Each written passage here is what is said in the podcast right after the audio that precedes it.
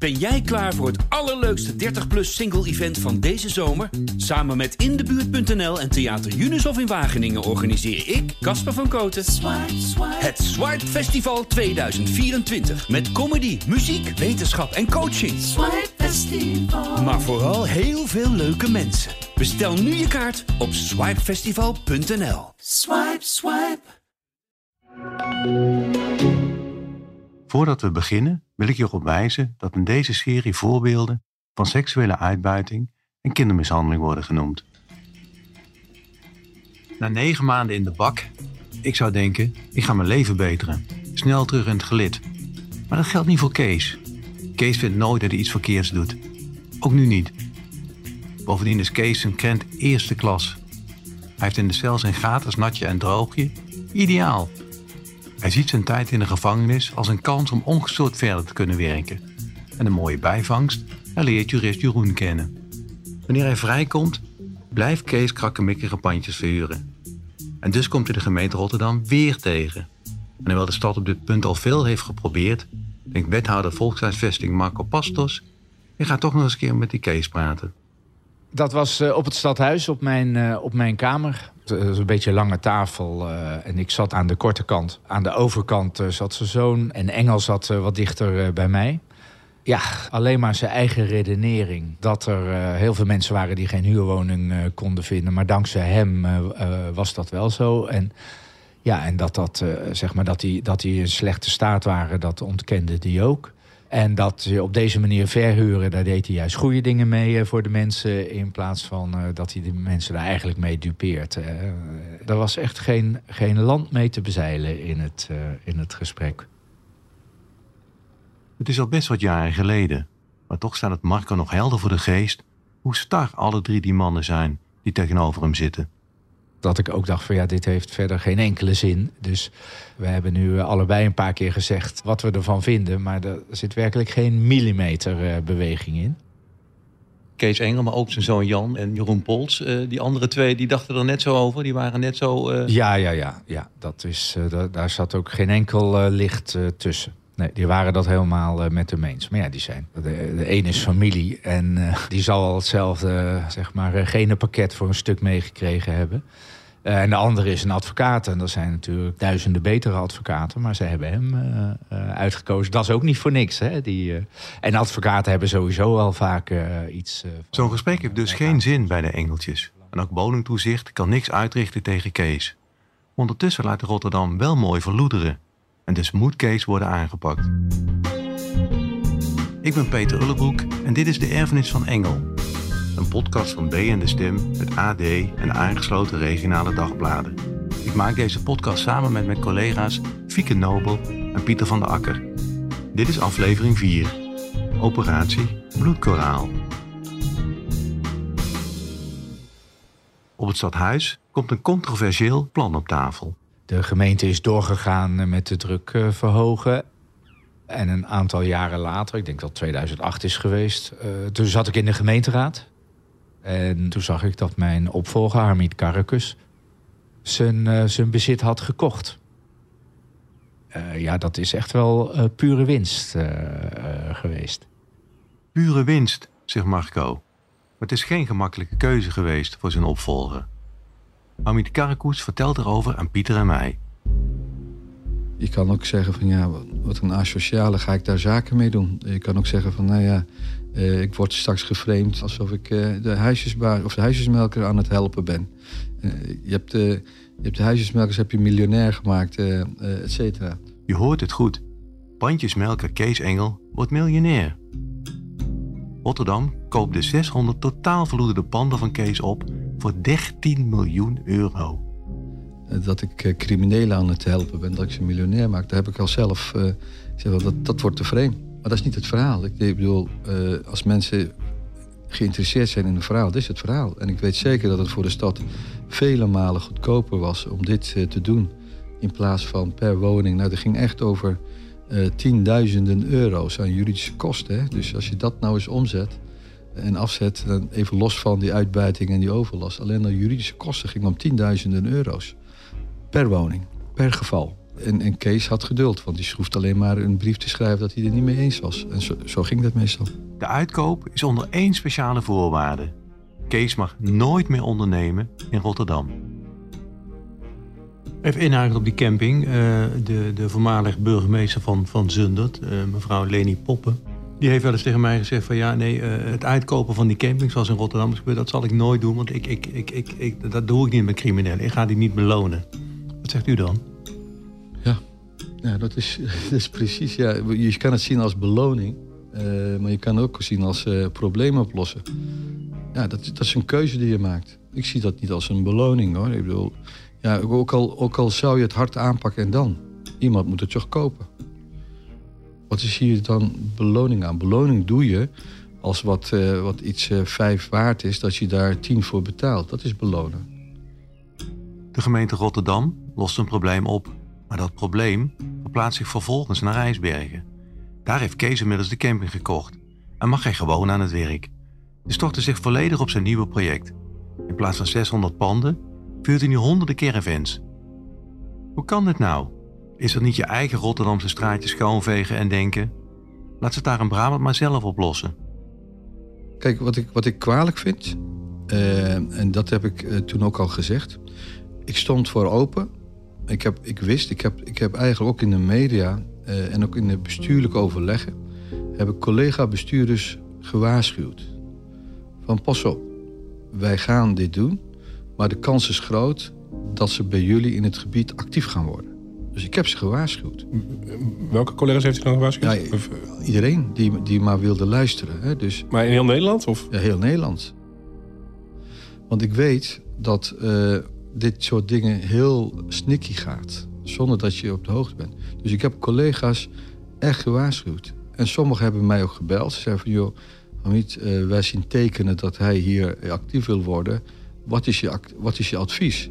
En die collega's die mij, de bestuurlijke collega's die mij gebeld hebben, hebben we ook, gebeld, hebben we ook geïnformeerd, hebben we ook geholpen. Dus als iemand eh, een stad vindt dat dit overkomen is, dan ligt wel de schuld, vind ik, bij onszelf.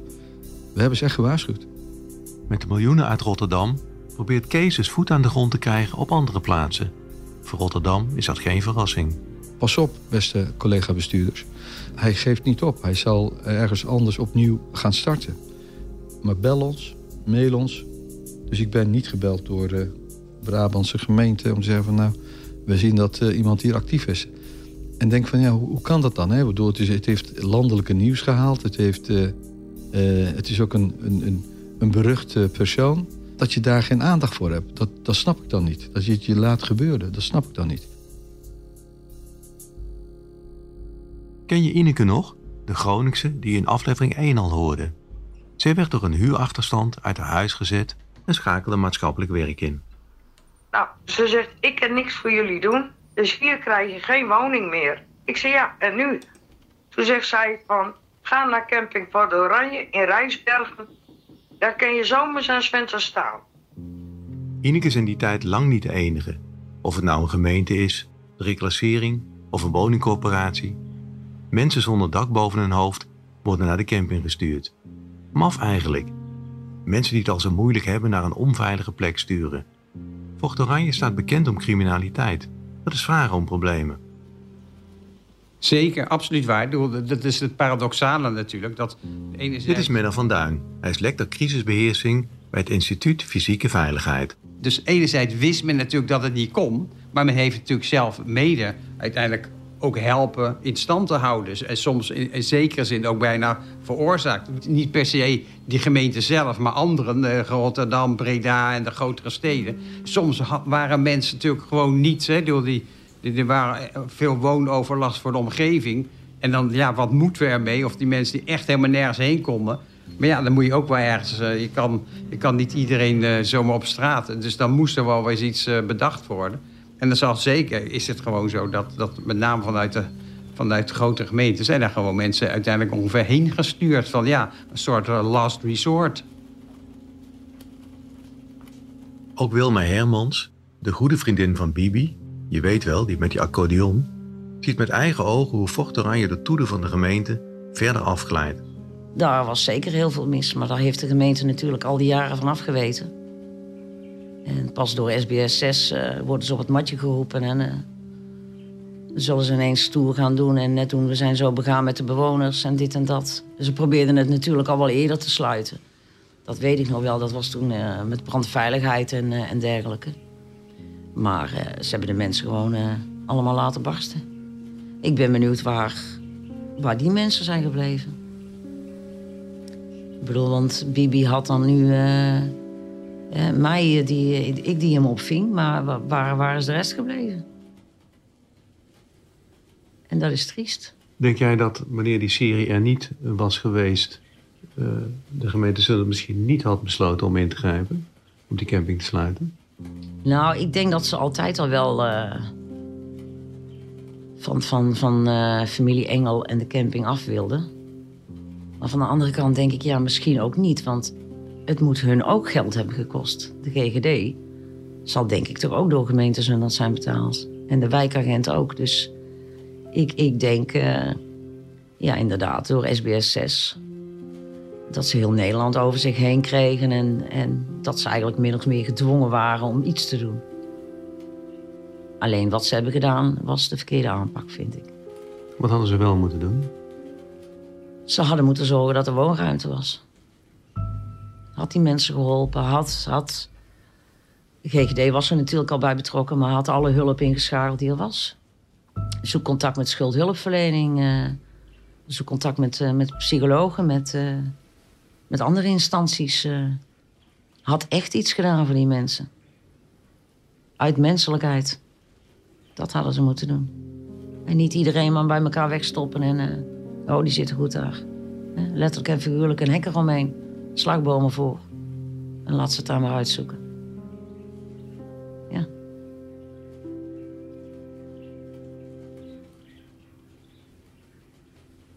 Dat maakt het misschien ook ergens een beetje dubbel wellicht. Hè? Van de ene kant constateren dat het zo mensonterend is... en dat er zoveel mis is. En aan de andere kant stellen we inderdaad vast... dat een organisatie als de reclassering of andere organisaties... daar wel mensen naartoe sturen. Dat heeft toch iets kroms? We leggen de kwestie van Wil maar voor aan Jan Boelhouwer, oud-burgemeester van de Brabantse gemeente Geelse en Rijen. Ja, maar je moet op een gegeven moment, als het alternatief is dat die mensen op straat komen, toch altijd nog maar weer even denken van wat is dan net een graadje minder erg en dat is dan misschien zo'n onderkomen daar. Boelhouwer staat bekend als de sheriff onder de burgemeesters. Een van de weinigen in zijn tijd die probleemcampings durft aan te pakken. Als we bij hem thuiskomen, zijn de effecten van zijn aanpak meteen helder. De batterij kamers bij de voordeur, het valt direct op. In vertrouwen vertelt hij ons welke bedreigingen hij allemaal heeft ontvangen. Maar zijn persoonlijke verhalen mogen niet op tape. Als burgemeester ziet hij Zundert van een afstandje jarenlang worstelen met vocht oranje. Uh, ik, ik, ik kan het ook wel begrijpen ook, want soms moet je mensen toch ook wel ergens onderdak brengen. En vaak vrij snel, zonder dat er uh, veel mogelijkheden daarvoor zijn. Nou, en als Fort Oranje dan daar de gelegenheid toe biedt, wellicht. Boelhouwer geeft ons een inkijkje. Maar in alle eerlijkheid hadden we dit gesprek natuurlijk veel liever gevoerd met de oud-burgemeester van Zundert, Leni Poppen de Loof. Maar de kogel is in het raadhuis van Zundert door de kerk. Ze doen niet mee, niet achter de microfoon en schriftelijke vragen willen ze ook niet beantwoorden. Ik had er zo graag nog even rondgelopen om Pieter en Fieke een indruk te kunnen geven. Er wonen nog een paar mensen die ooit zelf een stukje grond kochten, maar ook zij mogen van de gemeente niet met ons praten. Zelf beweert de gemeente dat ze niet mee kunnen werken omdat er nog juridische procedures lopen. Maar mijn gevoel zegt dat er iets anders speelt. Dat ze ons tegenwerken omdat ze niet geconfronteerd willen worden met de fouten die ze zelf hebben gemaakt. En tijdens het gesprek met documentairemaker Frank Stojansek bekruipt dat gevoel me opnieuw. Frank vertelde al eerder over het Poolse meisje, dat hij voor zijn ogen in handen van de Romeinse pooier zou vallen. Uh, wij uh, reden over die camping en liepen over die camping en uh, hadden een goed contact op een gegeven moment met een 12-jarig Pools meisje. Ik zal haar naam hier niet, hier niet noemen. Op een gegeven moment hadden we er een paar weken niet gezien. En toen zaten we op een gegeven moment bij de, de politieagent Marijn in de auto. En dan loopt er iemand langs de auto. En ik kijk zo even in haar gezicht, zie er een flits. En ik zeg uh, tegen die agent, is dat dat meisje? Ja, zegt hij. En ze was totaal anders gekleed. Uh, Make-up op. Ze zag eruit als iemand van in de twintig. Dus ja, die is in handen van die Roemeense bende daar. Die daar en daar zit. Ze heeft nu een 19-jarige Roemeense vriend. En ze moet wel werken voor de geld. Nou, en toen, nou, toen knapte er iets. Door jullie fucking, fucking opstelling met de gemeente... help je het leven van dat 12-jarige kind naar de, naar de Galamiezen. In plaats van dat je hier alle hulpverlening neerzet en caravan naar caravan naar caravan gaat kijken wat kunnen we doen voor zo'n arme, arme, eh, arme drommel. en zo zijn er dus heel veel levens voor goed beschadigd geraakt, omdat de gemeente samen met de instanties een poos lang die instelling heeft gehad. Dat is de prijs die ze ervoor betaald hebben voor hun ja. beleid. En als er iemand een prijs had moeten betalen, dan had dat criminelen moeten zijn, dan had dat de familie Engel moeten zijn, dan had dat de gemeente moeten zijn, maar niet zo'n onschuldig 12-jarig meisje. Wanneer Pieter het interview laat horen, vertelt hij me dat Frank psychische hulp heeft gezocht na het maken van zijn serie. Ik snap niet wel waarom. Ander voorbeeld. We zijn op een gegeven moment een caravan binnengegaan met drie of vier hulpverlenende instanties. Waar een uh, oude vrouw woonde die aan het dementeren was. Uh, en die had een zoon van ongeveer 40 die zwaar verslaafd was. Een, uh, een junk. in die caravan was ook een grote hond. Die werd in een kamer gelaten, een pitbull-achtige. En die hulpinstanties zijn met die zoon aan het, uh, aan het praten. Want die waren eigenlijk voor die, voor die, voor die zoon die in allerlei trajecten uh, zat. En die bejaarde demente vrouw die staat zo in het keukentje. En ik met de andere researchers, Sophie, stonden ook in dat keukentje. Ze heeft ongeveer dertig keer gevraagd... wilde jij geen koffie? Wilde jij geen koffie? Dus er was al behoorlijk wat mis in haar hoofd. We lopen naar buiten na dat gesprek. Uh, het was ook heel vies in die caravan. We lopen naar buiten naar het gesprek. Uh, hulpverleners staan uh, met elkaar te praten. Politie, GGD en nog twee instanties, dat weet ik al niet meer. Ze zeggen allemaal, dit is wel heel erg. Ze zeggen, ja, dit is wel, ja, we moeten echt ingrijpen. Dit gaat niet goed. Dit is, en ze wisten ook dat die junk had de controle over de financiën van die vrouw. Dit gaat niet goed. We moeten wat, we moeten wat, we moeten wat. Ze keken elkaar aan. Ze zeiden, oké, jij doet dat, jij doet dat, jij doet dat. En ze zeiden, zo, we moeten eigenlijk vandaag ingrijpen. En anders morgen, dit kan zo niet langer. Dit gaat helemaal mis. Nou, ze waren het allemaal eens. Lang verhaal kort te maken. Ieder gaat terug naar zijn kantoor praat daar met mensen. Het is toch weer eigen verantwoordelijkheid. Nee, daar ga ik niet over. Daar gaat die over, daar gaat die over, daar gaat die over. Dus iedereen weet ervan. Er gebeurt niks. Twee weken later uh, draait die junk door, stuurt die pitbull op zijn moeder af. Die moeder wordt helemaal aan gort gebeten. Het halve gezicht ligt er, uh, ligt af. De moeder is uh, met spoed naar het ziekenhuis vervoerd... en heeft ongeveer een maand of vier in het ziekenhuis gelegen... voordat ze eruit kwam. En toen kon er wel worden ingegrepen. Toen werd die junk gearresteerd, eruit gehaald... caravan weggehaald, dichtgetimmerd, weet ik veel daar was wel de wil van die instantie, maar ook door de onderlinge samenwerking. Die gaat maar daarover, die gaat maar daarover, die gaat nou, Waarom zijn we dan niet in staat om dit soort ellende te voorkomen? Ik krijg kippenvel als ik dit hoor. Zoveel instanties en nog gaat het mis.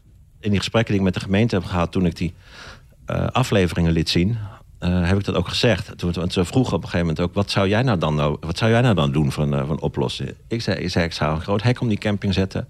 Die parkeerplaats die daar zit, daar zou ik een kate van de GGD zetten. Een kate van de kerk. Een, een, een, een, een van de politie. Een kate van de gemeente. Alle hulp daar. En dan caravan voor caravan ga je het, uh, ga je het langs. En dan ga je de cases oplossen. En het maakt niet uit wat het kost, maar je bent het verplicht te doen. Uit mede, medemenselijke, medemenselijkheid. Wat je met Engel doet, maakt niet uit. Laat hem lekker die camping uh, drijven. Want ik was er inmiddels ook achter dat Kees Engel een behoorlijke mate van autisme heeft. En dat hij daarom handelde zoals hij handelde. En ik vind dat de gemeente ook met nul begrip Kees Engel benaderde. Als je, als je weet dat die man autistisch is en dat hij naar zijn kaart zit te staren en denkt van... oh, op uh, kavel 328 heb ik deze maand nog geen huur eh, ontvangen... dan draai ik dus de elektriciteit eraf en het water.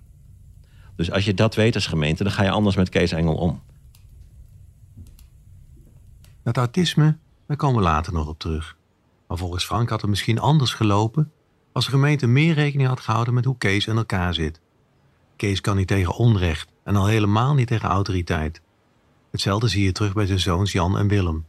Zij lijken Kees aversie tegen de overheid te hebben geërfd. ja, maar ik kan dat onrecht niet over me heen laten gaan. Dit is onrechtvaardig, dus moet ik me er tegen verzetten. Dit is Willem weer zoon van Kees. En eigenlijk was het uh, de inval uh, bij Jan en Jeroen in 2019, in november. dat was voor mij echt een keerpunt. Dat ik dacht van ja, je, het heeft dus geen zin om te zeggen ik hou me afzijdig. Er komt een punt waarop je eh, moet opstaan. Want het is niet zo dat als je zegt oké, laat maar, hier heb je de helft van mijn geld, dat je met rust gelaten wordt. Nee, het is een uitnodiging voor de overheid om verder te gaan. Van ah, hier valt wat te halen. En zo zie ik helaas een groot deel van de overheid ook. Het is niet gek dat je dit hoort uit de mond van Willem. Hij zijn vader zijn leven lang zien vechten met de overheid. Het is een amorele, niet eens immoreel, maar een amorele organisatie. Die uit is op macht en uit is op uh, controle en onderwerping. En, en dat uh, heeft de, de coronacrisis laten zien. En dan heb ik het niet specifiek over de Nederlandse overheid, maar over overheden in het algemeen.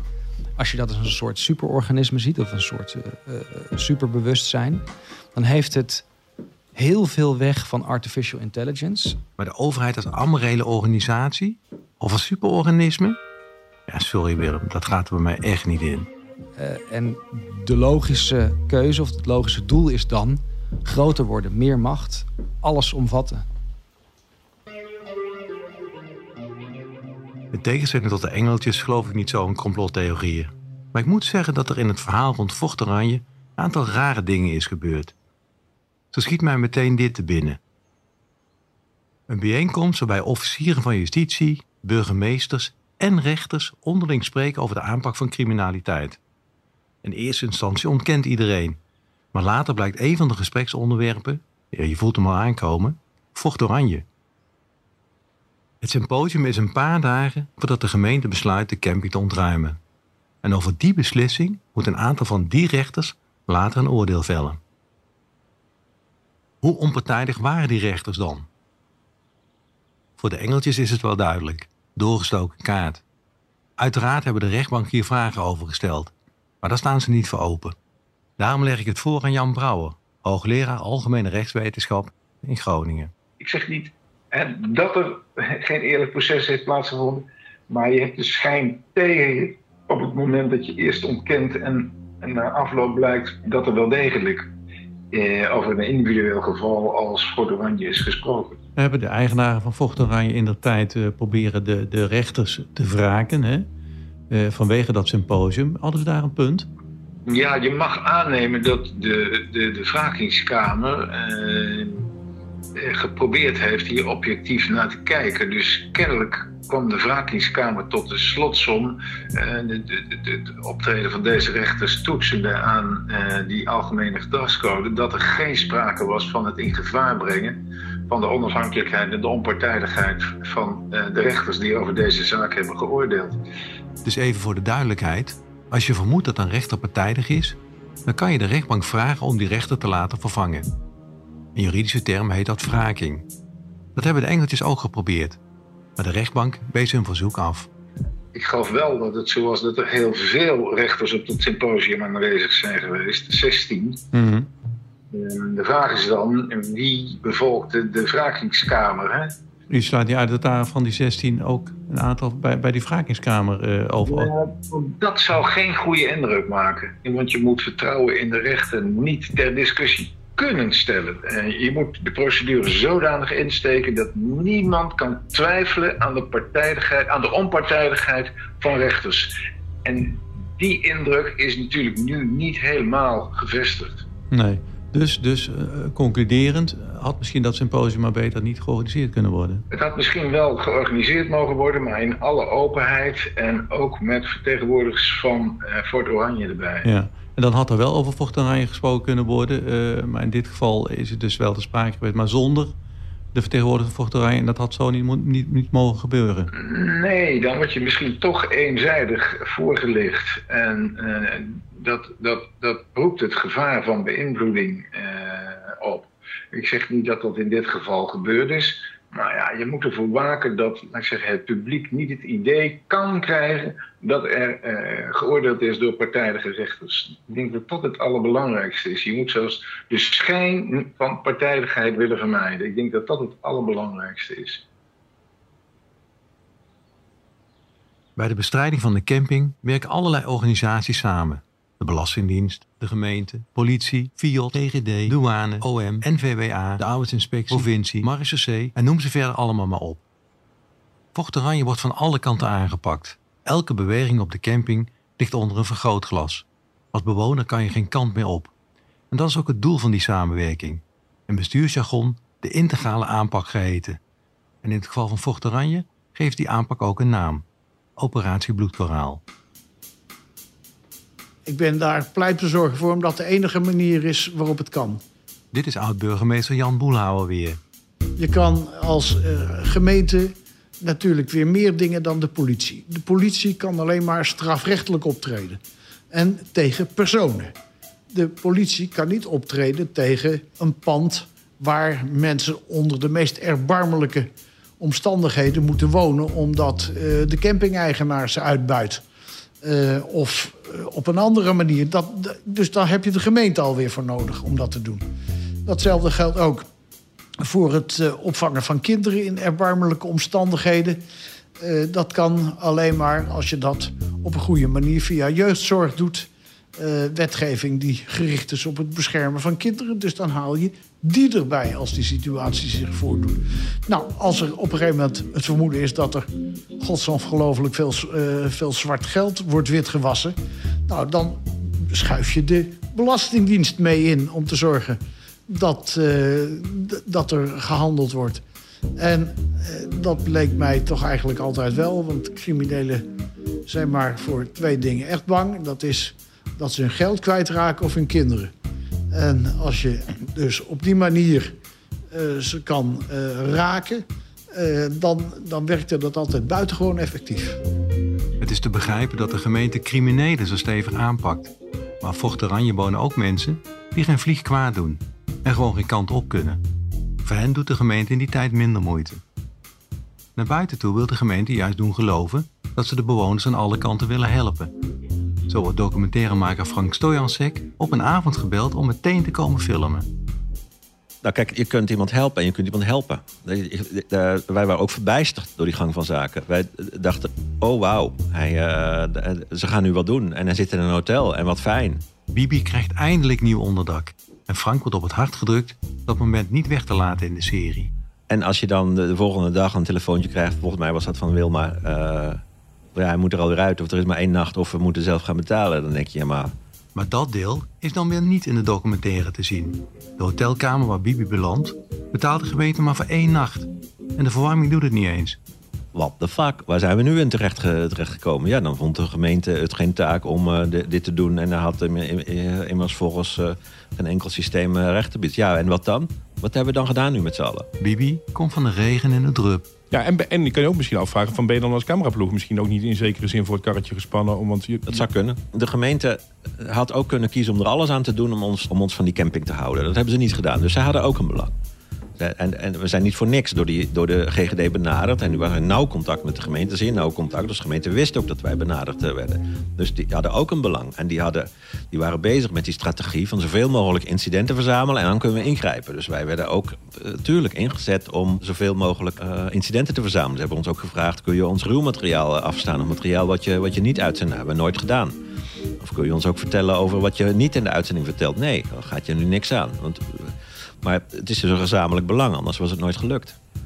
Uh, en natuurlijk zijn we ook voor het, karretje, uh, voor het karretje gespannen. Maar we hebben wel steeds wel daar onze eigen verantwoordelijkheid in, uh, in proberen te pakken. Uiteindelijk is het voor Bibi goed, goed, goed uitgepakt. Maar op dat moment niet. De gemeente Zundert zet zichzelf graag neer als reddende engel in het verhaal Vocht Oranje. Maar daar is dus lang niet iedereen het mee eens. Boeman of weldoener. Maar ja, ook over Kees zijn de meningen verdeeld. Het is maar net wie je spreekt. Nou, ik denk dat hij in een andere wereld leefde dan uh, verreweg de meeste mensen in het land. Gelukkig. Marco Pastors. Wat ze wel eens zeggen is, uh, tuig wint altijd. En, en of hij het nou heel bewust, uh, of hij nou weet dat hij tuig is of niet, hij, dat is hij wel. En dit is Jeroen Pols, de jurist van Kees. Want Kees is echt in de media afgeschilderd als een uh, hardvochtige huisjesmelk. Nou, ik kan je vertellen, er was alles behalve dat.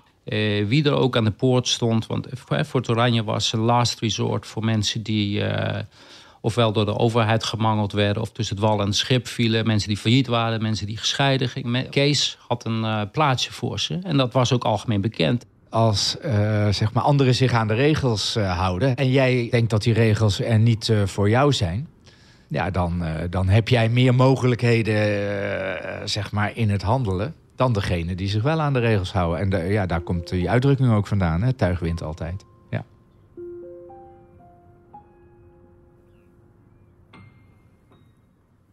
Aan wiens kant je ook staat, het doel van operatie Bloedkanaal is de criminelen wegjagen en zorgen dat de andere bewoners het beter krijgen. Maar juist van de meest kwetsbare mensen hebben we geen idee hoe het ze is vergaan. Ze zijn van de radar verdwenen. Voor de gemeente zijn deze mensen geen probleem meer, want ze zijn het beeld. En zo gaat dat vaker. Migranten de grens over, probleem opgelost. Ons afval dumpen in een derde wereldland, probleem opgelost. En in het heel klein, een collega met een taak opstapelen, probleem opgelost. Waarschijnlijk is de misère van de Vocht Oranje bewoners op een andere plek nu net zo groot, alleen zien we het niet meer. Of je nou denkt in de strijd tussen goed en kwaad, aan de kant van de gemeente of van Kees staat. Feit is dat de echte problemen van honderden mensen niet zijn opgelost. Maar ja, wat mag je ook verwachten van zo'n kleine gemeente? Maar wat van zo'n campingbaas?